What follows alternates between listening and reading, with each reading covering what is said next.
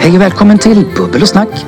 Programmet där jag, Chris Widinghoff, tillsammans med min gode vän och kollega musikern Anna Lind gör program om och med gäster som inspirerar. I det här programmet träffar vi personer från Sigtuna. Den lilla staden som ligger mittemellan Stockholm och Uppsala. Som en gång var Sveriges huvudstad. Och idag gästas vi av en person som bestämde sig för att lämna en trygg anställning för att få tid att tillsammans med sin familj komma till insikt och ändra riktning i sitt liv. Han älskar berg, höga berg och Jockeberg.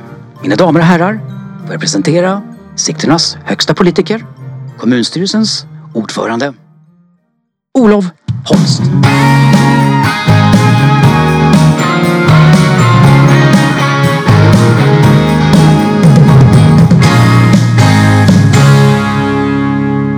Välkommen Olof! Tack så mycket Kristoffer. Du, vi känner ju varandra egentligen eh, från början för att vi jobbade ett kort tag ihop. Just det. Sen blev vi eh, kompisar och vänner. Eh, och sist du var i den här studion så var det för att återuppleva ett eh, farväl. Kan man väl säga. Absolut. Ja. Kan återkomma till det lite senare. Vad det kan vara. Ja.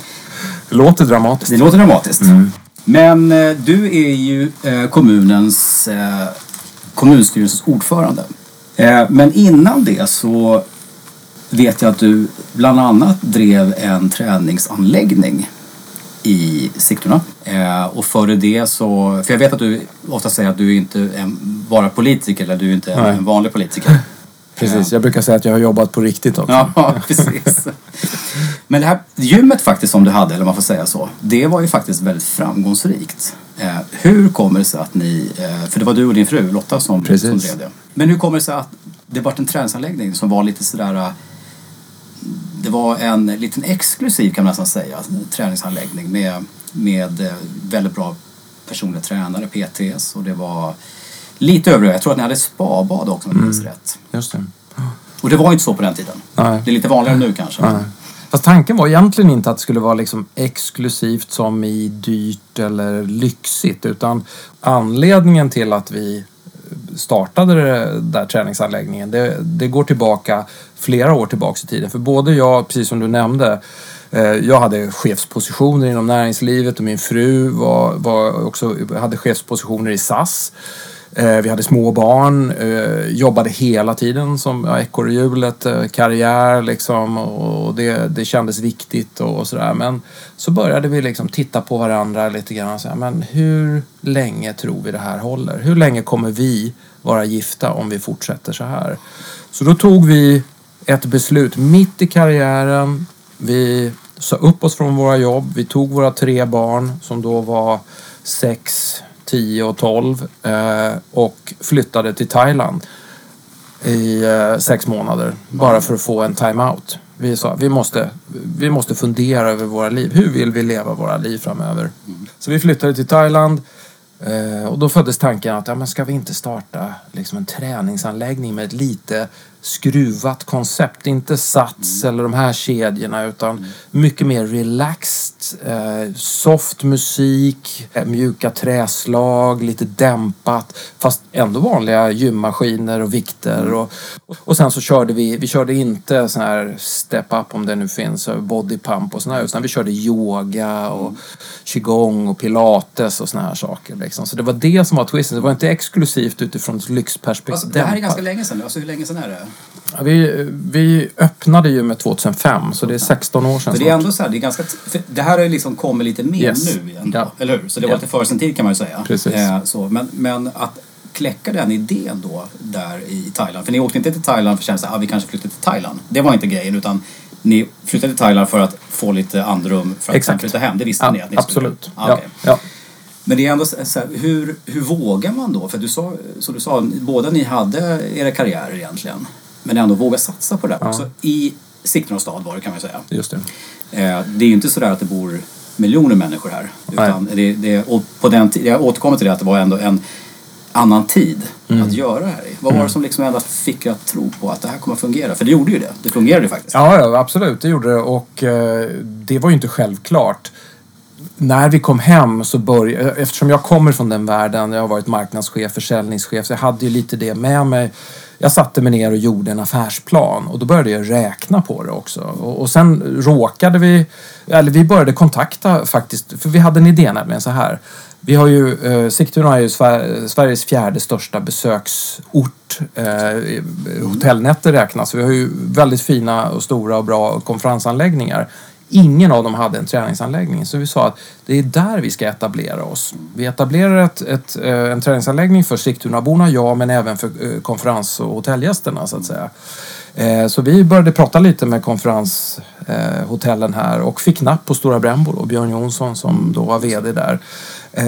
Och Eh, han visade oss en fantastisk lokal nere i källaren som då såg bedrövlig ut. Men den jobbade vi med en Sigtuna-arkitekt, Hasse Suominen, jobbade fram ett koncept där som verkligen stämde på pricken med det vi ville skapa där nere. Den finns ju kvar fortfarande faktiskt den där. Så att, Just det. Hörru du, men sen så, eh, så gav du dig in i politiken. Ja, ja, eller inte sen egentligen. Det hade jag gjort innan Thailand. Så det var 2002 faktiskt. Så Ja, för blev du började i ett lokalt parti här i Sigtuna. Precis. Samling för Sigtuna. Just det. Och där var du då, vad kallar man för gruppledare eller? eller? Ja, eller, inte från början, men jag blev det sen. Ja. I valet 2006, då var jag liksom första namn på listan för Samling för Sigtuna. Och, då var, och det gjorde du i 2010. 2010. Mm. Och då blev du rekryterad, får man säga så, av Moderaterna? Ja, rekrytera, rekrytera, men ja, det kan man väl kanske säga. Eh, I valet 2010 förlorade ju, eh, Samling för Sigtuna stöttade ju den borgerliga sidan och eh, vi förlorade ytterligare ett val då 2010.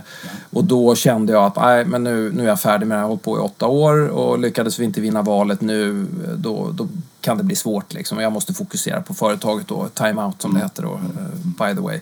Eh, och eh, då lämnade jag partiet, så jag var inte aktiv under ett år. Men dåvarande oppositionsrådet var det då för Moderaterna slutade.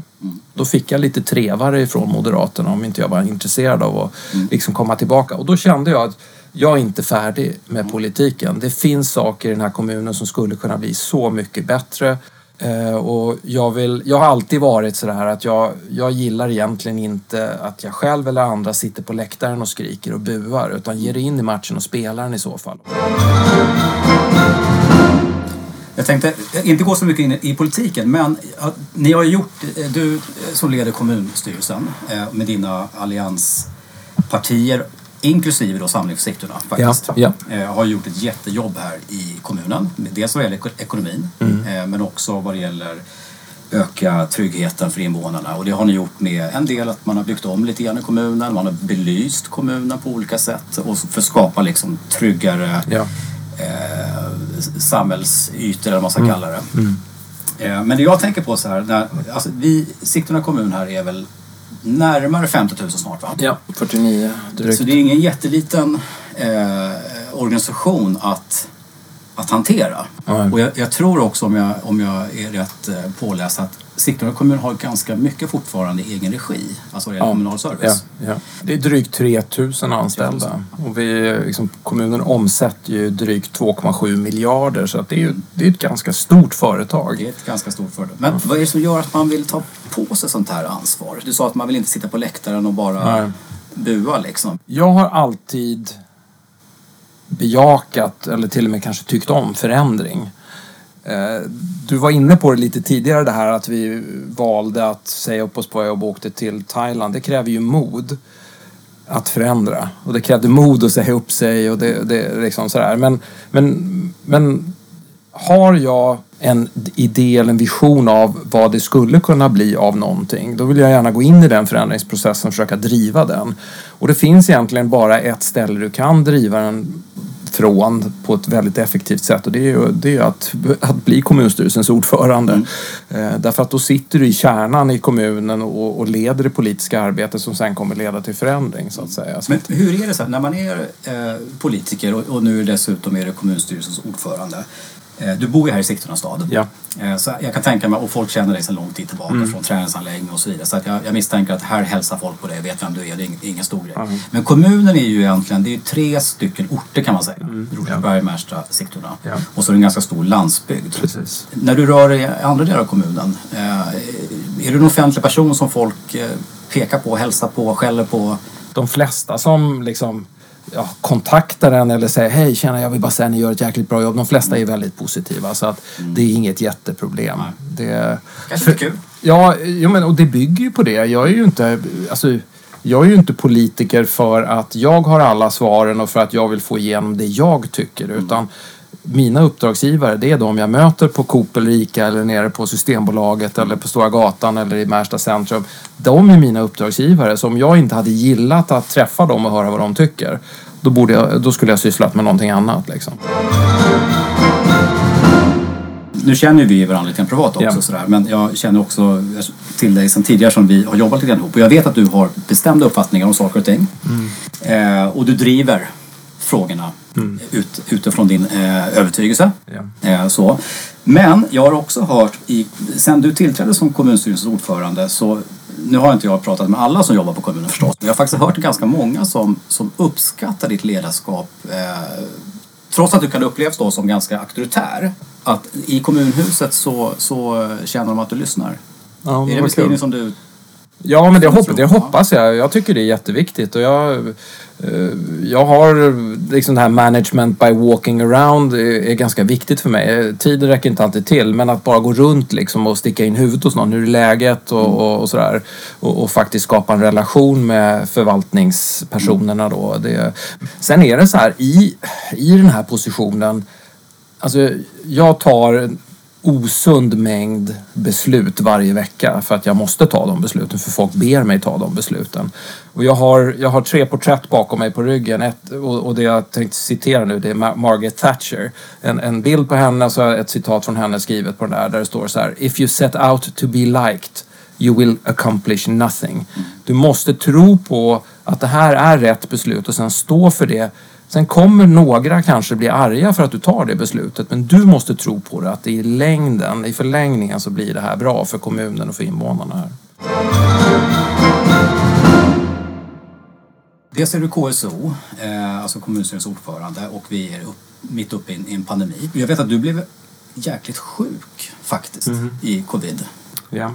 Hur var det liksom? Och orkar du berätta om det? Ja, Det, det var så oväntat på något vis för att jag, jag hade nog lite, vad ska jag säga, dålig respekt för covid. Eh, Jag, För det var tidigt, man visste inte så mycket om det. Nej, det var, det var ganska tidigt och, och dessutom så såg ju jag, i och med att jag har det jobbet jag har, så såg jag statistik och jag, jag såg att eh, av de som blev allvarligt sjuka så var nästan alla var ju plus 70 eller hade någon form av underliggande sjukdom, diabetes eller ja, den typen.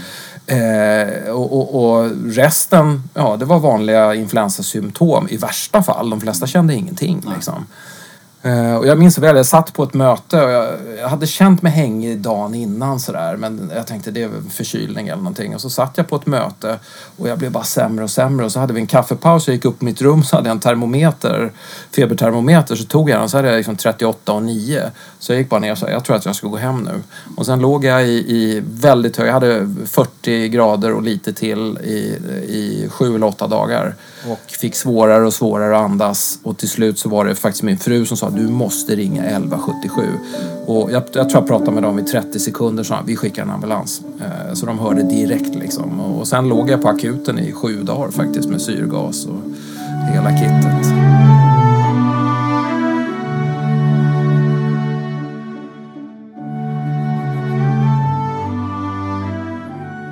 Kan du berätta om, äh, lite om själva äventyret att, att eh, bestiga ett berg? Alltså det är, Vad kan det vara, 6800 meter någonting? De berg som... Ja, det högsta, ja, precis. Det högsta jag har bestigit ligger där.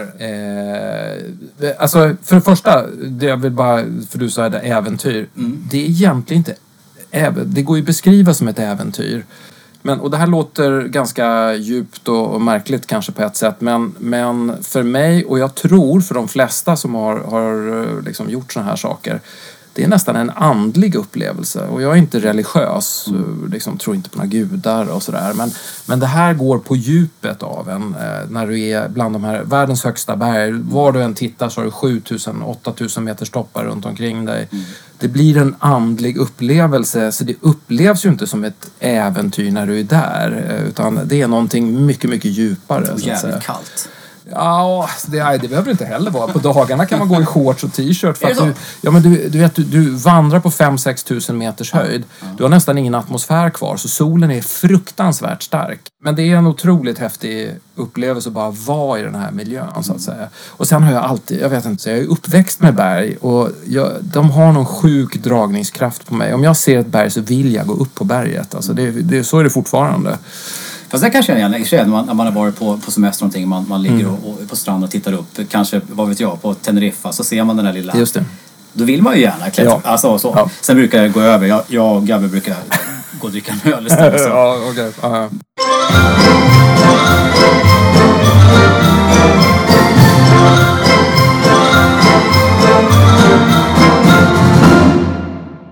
Det var ju för, det var förra året tror jag var på, på någon av tv-kanalerna så hade de ju en sån expedition Mm. med eh, Persbrandt. Ja, ja, ja, just det. Den där expeditionen hette det. expeditionen. TV4. Ja, precis. Jag vet inte om det var- det samma berg, men det var Himalaya i alla fall. Det var exakt det berget som jag besteg Det var det? 2013. Lobuche Peak heter Ja, det. Ja, så, det det. var, så jag kände igen liksom varenda stig. Och då kan man säga så här, du klättrar ju över där eh, sista biten och nu vet jag hur det ser ut här som jag sett det på TV. Och det var ju hon, eh, en av systrarna Kalla, Kallur. Ja. Kallur. Ja. Alla andra, de backade av. Även Ja. Persbrandt, alla ni som gillar honom, han pallade inte. Nej. Vad är det som gör att, att det liksom, att man, är det syret som gör att man inte fixar det liksom? Det är så? Ja.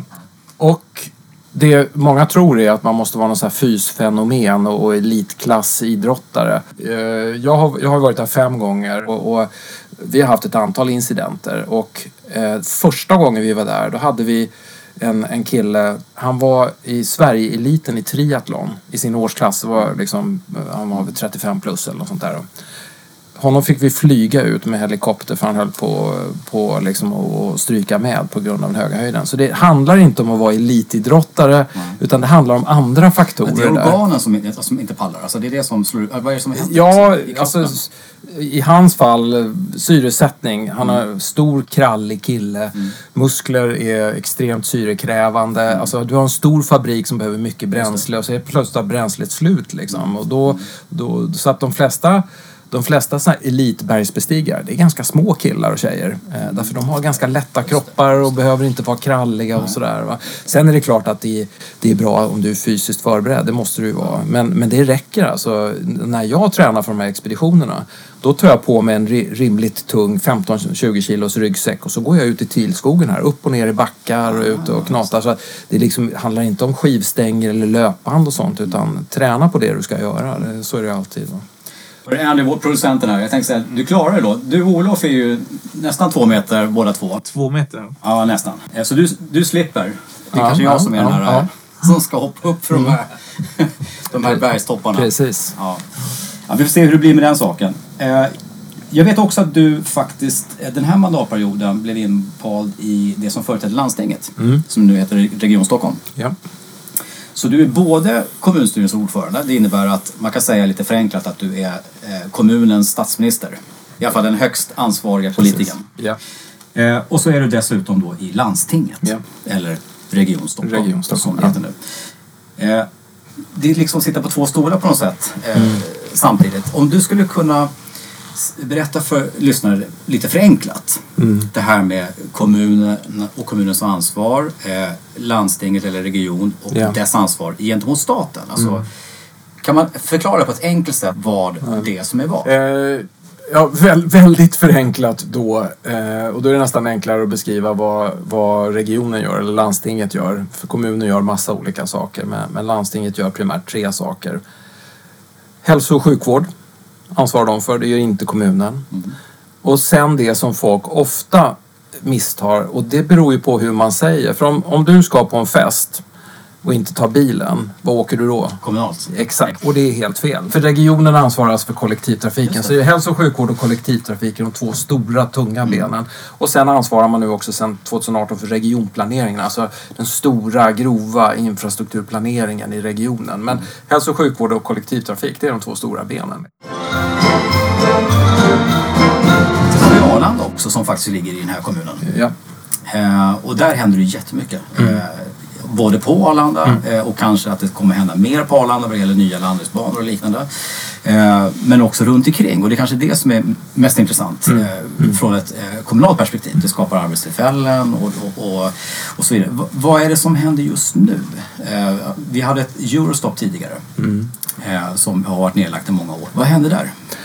Alltså man kan välja att se Arlanda som ett problem. Eller så kan man välja att se det som en möjlighet. Och jag ser det som en möjlighet. Eh, på, om vi bortser från den här pandemin nu som ju ställer till det enormt. Men innan pandemin så passerade ju någonstans runt 25-27 miljoner passagerare varje år genom Arlanda. 25 000 anställda. Alltså det är en av Sveriges absolut största arbetsplatser. Och vi har den i vår kommun. Det är ju en gudagåva liksom. Plus att en flygplats genererar alltid massor med kringaktiviteter. För att eh, det, det är ett... Eh, förr var det hamnar och sen blev det järnvägsstationer. Nu är det flygplatser som är hubbar där folk rör sig och, och reser och sådär. Så att det utvecklas massa spännande saker runt eh, Arlanda. Och det du nämner nu det är ju Scandinavian XPO som kommer ta upp fighten mot Stockholmsmässan. Alltså att bli Sveriges ledande mässa. Eh, Så att det finns stora planer där och det byggs massa hotell och, och ja, det, det, det boomar verkligen runt Arlanda. Nu är det ju lite då vått täcke lagt över allting men corona kommer ju lätta så fort vi får ut vaccin och sådär. Så att, eh. Ja, det är tufft och jag och Andy, vi är ju då... Eh, i- vi jobbar ju i musikbranschen eh, Ja. och underhållsbranschen så att vi har ju i princip näringsförbud. Eller vi har ju det faktiskt. Ja, vi, ja. vi får ju inte eh, jobba på, på de grejerna. Men det är en del så, tunga saker som hänt för dig förstås då i år med tanke på eh, med, med din sjukdom eller din insjuknade i corona. Men du har ju också eh, fått glädje i ditt liv. Alltså, de flesta tycker ju att eh, 2020, nu pratar vi ju förra året egentligen då, eh, 2020 var ett skitår. Jag tycker att det är ett av de mest fantastiska åren någonsin. Eh, För att jag fick, eh, fick mitt första barnbarn eh, förra året. Eller vi, jag och min fru fick vårt första barnbarn förra året. Eh, Helt magiskt alltså. Jag kan sitta på jobbet och längta efter att åka hem för att träffa Alfred. Ja. Alltså, så att, nej, det, det är någonting, det är verkligen en ytterligare dimension någonstans. Alltså. Ja, det är, det är härligt. Eh, förutom eh, det så har vi ju, vi sa ju inledningsvis här att vi, vi träffades här senast i, i eh, studion för att återuppleva ett farväl. Yes. Så det är ett gemensamt, eh, man kanske inte kan säga intresse, men vi är ju båda stora Kent-fans. Är inte alla det? De, de blir det så småningom. Ja, ja, ja. För det är ju, nu har vi i och för sig, Andy är ju professionell musiker. Eh, så. Eh, vad, vad säger du om, eh, om vi påstår att, eh, ska vi säga att Kent är världens bästa band? ja. Är det någonting som du kan Backa upp. backa upp? Jag skulle säga ehm, att de är ruggigt bra, men det är inte världens bästa band för mig. Ska jag säga. Men däremot så vet jag vet att du har jobbat med en kille som har mixat inte en Kent-skiva, men hur hängde det där ihop? Du berättade för mig för ett tag sedan. Ja, jag var session, eh, vet du, sessionmusiker på en eh, skiva, eller en, en eh, vet du, singel egentligen. Där han som har mixat vapen och ammunition mixade. Ja, det var så det Det hängde var ihop. samma mixare. Den skivan som fick mig att upptäcka Kent. Jaha, jag trodde det var tidigare än mig. Nej, nej, nej, nej, nej, det kom ganska sent i livet. Ja, för vapen och ammunition. Och i, I samband med det så träffade jag min fru också. Ja, okej. Eh, så vi lyssnade jättemycket på den skivan. Eh, och det var också den skivan som faktiskt var lite mer kommersiell. Alltså, tidigare så var Just det... det. Det var lite mer svårtillgängligt Ja, det var lite där, ja. faktiskt om jag ska vara ärlig. Ja. Sen har ju de, eh, tycker jag i alla fall, de har ju verkligen hela tiden fram tills de slutade nu, på topp kan man ju faktiskt säga. Ja, ja, alltså. De blev bättre och bättre. Även fast de böt skepnad lite grann. Det har varit in på syntpop och de liksom förnyar sig hela tiden. Och sen avslutar de verkligen sådär eh, med sista eh, skivan och den, den eh, avskedsturnén Ja, eller vad man ska ja. kalla det. Och då var ju du på Tele- Du var på sista, sista spelningen va? Precis. Jag var på näst sista som skulle ha varit den sista. Ja, Sen ja. sålde de ju flera biljetter. Ja. Så jag torskade den. Men du, jag måste rätta mig. Det var den jag var på också. För den var ju utlyst som den sista och sen blev det en till. Så Vi så var det. Då var vi på samma.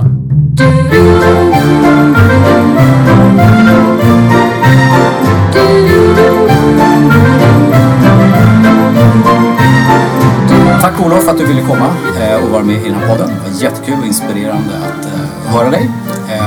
önska dig lycka till såklart. Eh, också i framtiden. Andy, jag funderar på, eftersom vi pratar Kent här, om du möjligen eh, kan spela någonting. Är det någon låt som du är bekant med? Utan att ha blivit golvad ännu av Kent. För det, det kommer ju hända så småningom. Du kommer inte undan. Jag kanske kan jamma på något. Ja, vi provar. Nice. Live, live-konsert.